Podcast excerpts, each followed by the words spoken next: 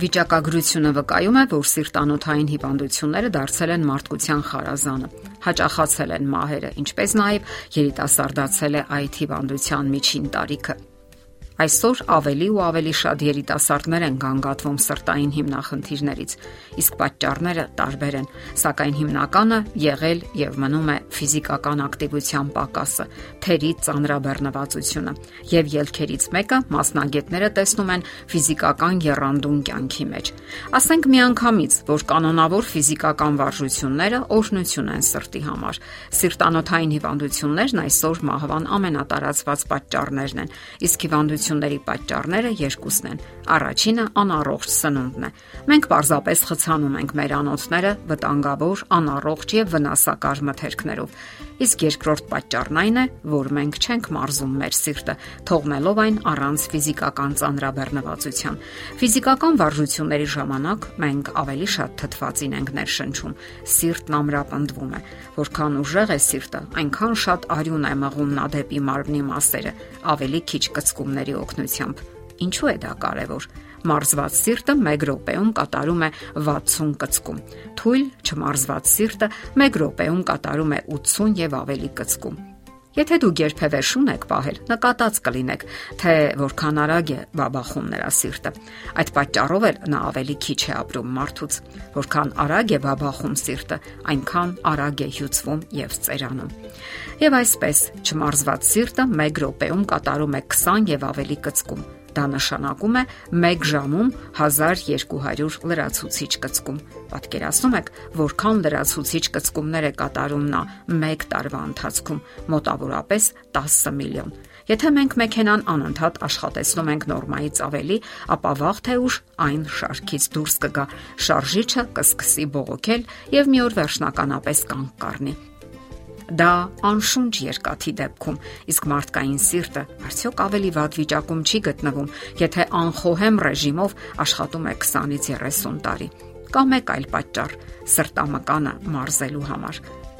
Մարզված սիրտը մեկ կծկման ընթացքում ավելի մեծ քանակությամբ արյուն է մղում դեպի մարմինը։ Դրա լավագույն օրինակը մարզիկների սիրտն է։ Թոքերը եւ սիրտը աշխատում են առանց հոգնության, գիշեր ու ցերեկ օր ու գիշեր քնած թե արթուն նրանք կատարում են իրենց գործը։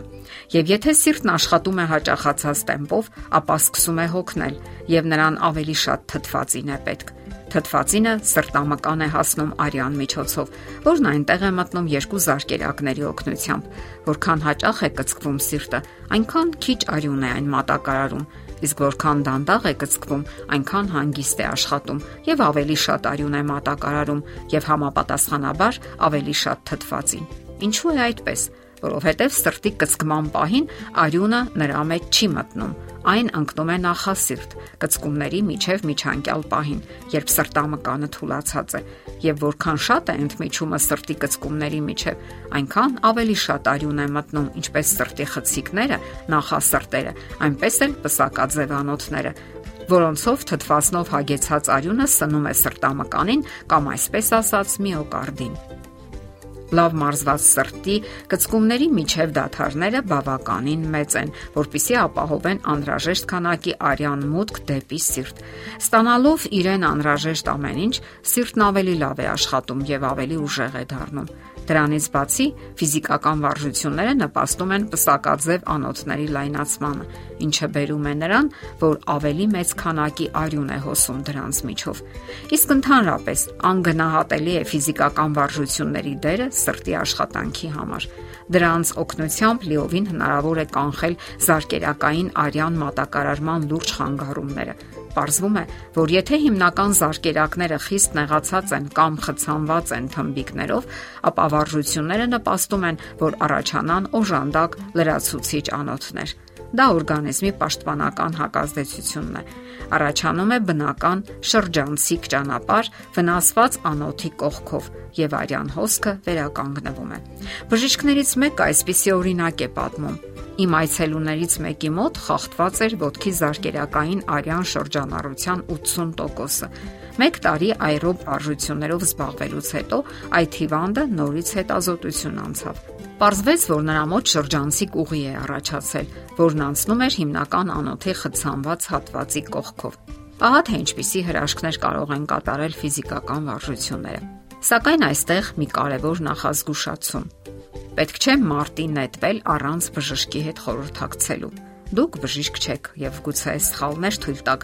Սիրտը մկանային օրգան է եւ այն հարկավոր է մարզել աստիճանաբար, որpիսի հասնի իր առավելագույն ուժին, նա պետք է երկար ճանապարհ անցնի առանց շտապելու Ընդ որում, այս նախազգուշացումը վերաբերում է մարմնի բոլոր մկաններին։ Իսկ ընդհանրապես, եթե վերջին 5-10 տարիներին ձեր լավագույն բարեկամը եղել է բազմոցը կամ համակարգչի սեղանը, ապա չեք կարող միանգամից վազել 2 կիլոմետր։ Դա պետք է անել խիստ չափավորված, սկսելով նվազագույն ծանրաբեռնվածություններից։